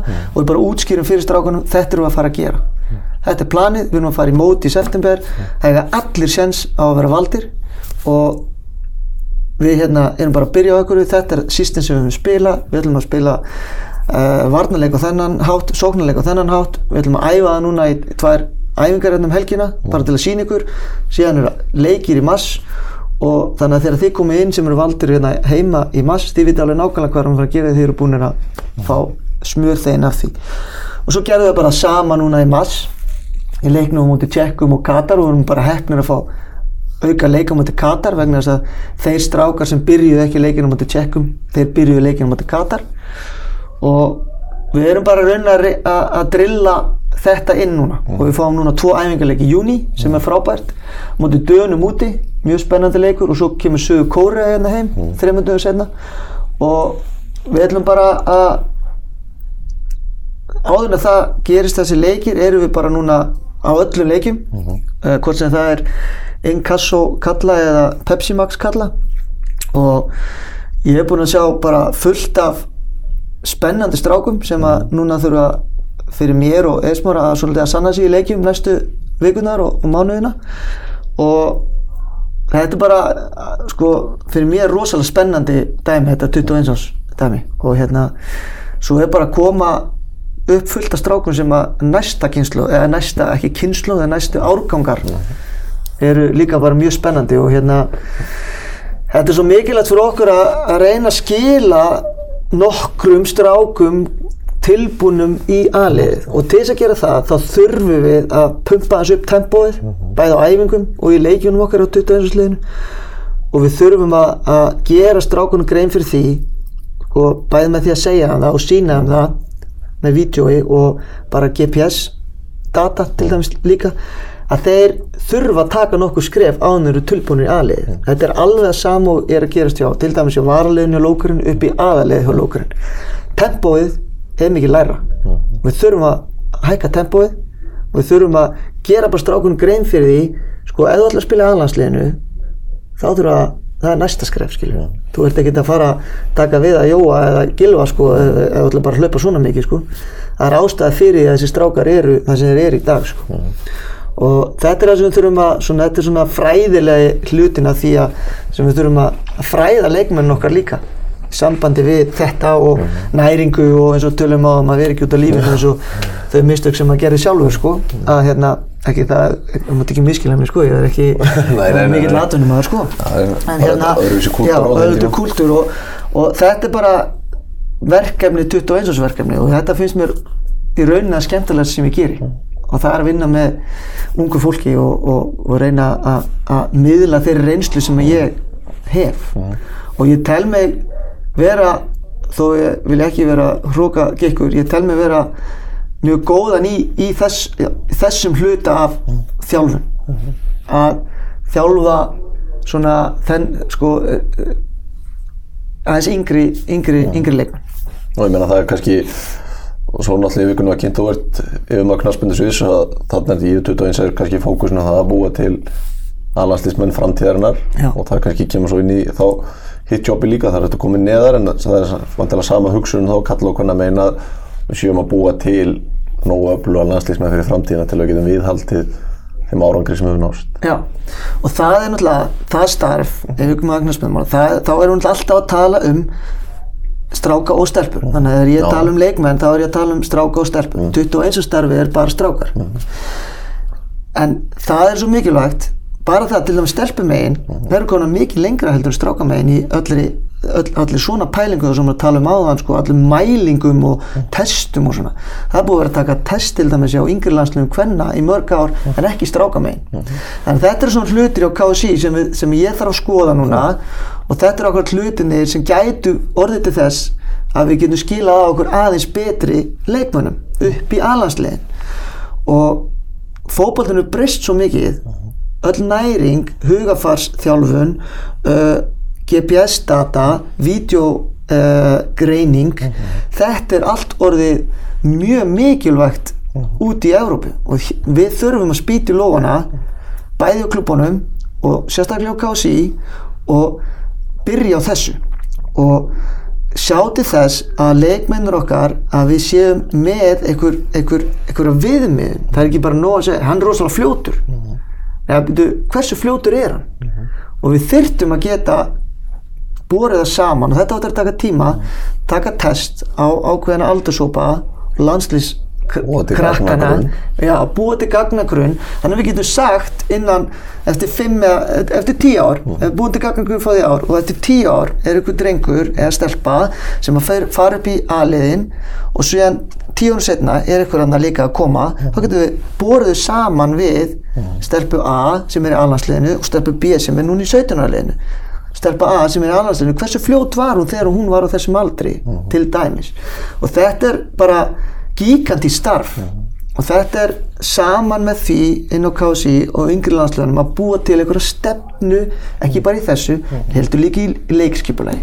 Hvernig viljum við spila Minna, núna ákveða þjálfarnir það bara. Og allt sem þjálfarnir gera þeir halda því hjá sér og svo þeir eru fara þá er bara kannski öll, öll svo þekking bara farin því miður. Þannig að við þurfum að ákveða í saminningu og ég hef sagt oft, ég er ekki kominninga til að vera ykkur einræðisherr og segja fólki hvað að gera. Hvorki hjá KSI neð út í klubunum í rauninni er KSI stæðsti klubur landsins. Ef við bara horfum á þetta svolítið abstrakt og ég er rauninni bara sá starfsmæður KSI sem er í ráðgjöf út til klubbana og inn í KSI og hjálpa að taka þær ákvarðanir sem þarf að taka. Og ég er alveg tilbúin að tala, taka ákvarðanir sem að, sem, á, eftir að koma einhverja gaggrin á. Ef við gerum það í samningu og það er einhver að taka ábyrgð þá skal ég gera það, það er ekki vandamál. Og ef að það gengur ekki upp og það eru rángar ákvarðanir þá bara verð ég bara rekin það er ekkert vandamál, það er bara hvernig það er í knaspinda heiminum skilur og, en það, við þurfum að þóra að gera eitthvað það finnst mér svo mikilvægt og í sammenningu og það sem ég segja, ef að ég er í ráðkjöf út í klúbana líka og það er það sem ég er að segja, það er skemmtilegt sem ég geri er að þjálfa og hugsa um þjálfun það er ekkert skemmtilegt en að fara í heimsókn í klúbana, að tala við yfir þjálfara, að tala við þjálfara hvers flokk sem er og bara ræða máli. Hvernig vinnur þú? Og ég er alveg tilbúin til að, að koma og vera með eitthvað æfingu. Það er bara, bara gaman, sko, skilur, ef að ég vilja fá mig. Já, ég meina getur sótt þekkingu bara líka í klúban Já, ég, að sjálfsög, já, og ég er, að- er að ganga inn í starf núna í sambandinu, mín reynsla er algjörlega út frá klubb og líka náttúrulega atvinnumannaklubb. Ég hef eftir að læra fullt um íslenska menning, ég hef ekki verið inn í mörg ár, skilur, og í guðana bænum látið mig vita ef ég er ykkur ruggli, sko. Það er ekki, ég, ég hef mikið frekar að, að, að sé sagt við mig að ég sé hálfviti, heldur hún segir ekki neitt við mig. Þannig að þetta er bara svona, eitthvað sem við þurfum að gera í saminningu og það er svona svo, ég fæ svolítið á tilfinninguna oft að þetta sé svolítið sko það, maður heyrir oft, já, það er erfitt að breyta þessu. Já, ok, það er erfitt að breyta en það er hægt það er allt hægt, en við verðum að vilja það og við verðum að gera okkur grein fyrir því að ef við ætlum að ná þessum árangri áfram komast á lokamót með stelpunna, með strákana í yngri leunum og aðleunum þá verðum við að, að, að fara á það level það sem að er verið að vinna á út í heimi skilur, við getum ekki bara verið starf hérna út í allansæfi og haldi bara að það komi bara allt með, með, með hérna kaldavatninu sko. Nei, bara, eins og við tölum á bara umgjörinn hjá KSI og það hefur allt orðið batnað. En eins og núna er bara nýlega byrjað að fara í GPS-mælingar sem að er sko búið að vera, ég veit ekki hvað lengi í klúbanum að klúbanir hafa verið pyrraður á því að geta ekki fengið gögnum leikmennar að þeir eru í landslínu bara eins og þeir mæla það skilur og geti vita bara þegar þeir koma tilbaka er viti hvernig þeir eiga að æfa sko, þannig þetta er þetta tækið fyrir okkur, fyrir okkur til að stíga, stíga næstu skref. Og við settum til dæmis núna bara með þessi GPS-system eftir 21. leikin og eftir A-liðið og A-lið hvenna voru líka með þetta þá sendum við bara skýslur út í klúbana gjör það svo vel, þetta er, þeir strákunni voru í okkur daga. Hérna er hvað þeir gerðu á hver einustu æfingu. Og við ætlumst ekki til þess að klúbandi ringi okkur og byrja eitthvað að ræða um þetta en við erum búin að láta klúbana vita hvað þeir gerðu. Þeir get ekki sagt lengur við KSI herri, hvað voru þeir bara í frí að að frí, það fyrir eftir hvernig þú lítur á það. Hérna eru tölunar og en það er náttúrulega annað í sambandi eins og klúb, um klúbanir er komin með þetta og hann Jónsi frendi minn hann var, rosalega, hann var svolítið reyður út í miðum daginn þegar sambandi tók eitthvað annað GPS-system heldur en FO með til dæmis. Og þetta er, úst, að mörgu leiti hefur hann alveg rétt fyrir sér að því það hefur ekki verið kannski nóg mikið tala saman og, og, og hlutinni rætt skilur og hann hefur rosalega oft rétt fyrir sér en ekki alltaf og já, stundum heldur það hann er líka, Jóns er bara eh, einn af þeim mönnum í íslenski knaspunni sem hefur bara gerst, gerst sem mest skilur, en ok, ok. það er frábært en það er ekki, við verðum að hætta að vinna í, í sikkuru hotninu skilur, við. Verðum að reyna að gera þetta svolítið saman skilur og við höfum ekkert eftir að vera sammála alltaf en þá erum við alltaf búin að ræða málin skilur þá erum ég alltaf búin að segja við þig, herru, ég er ekki sammála þér þannig að það er svona það sem þurfum að, að, að mínu mati en eins og ég segja, ég, ég er ekki alvitur og ég fann ekki hjólið því miður. En það sem mér finnst mikilvægast í bara öllum mannlegum samskiptum er það að við séum bara reynum að vera heiðalega við hvort annað og reynum að gera okkar besta. Taka Og- þetta í beitið, já, og þóra að gera eitthvað. Ekki, ég þól ekki þessa setningu það er svo erfitt að breyta sér það, hjálp, sko nei, nei, það er hægt að breyta sér við þurfum bara að finna leiðir Það séu bara góð lóka orðar, takk hérlega fyrir að koma og spjalla við takk fyrir að hlusta á bullið í mér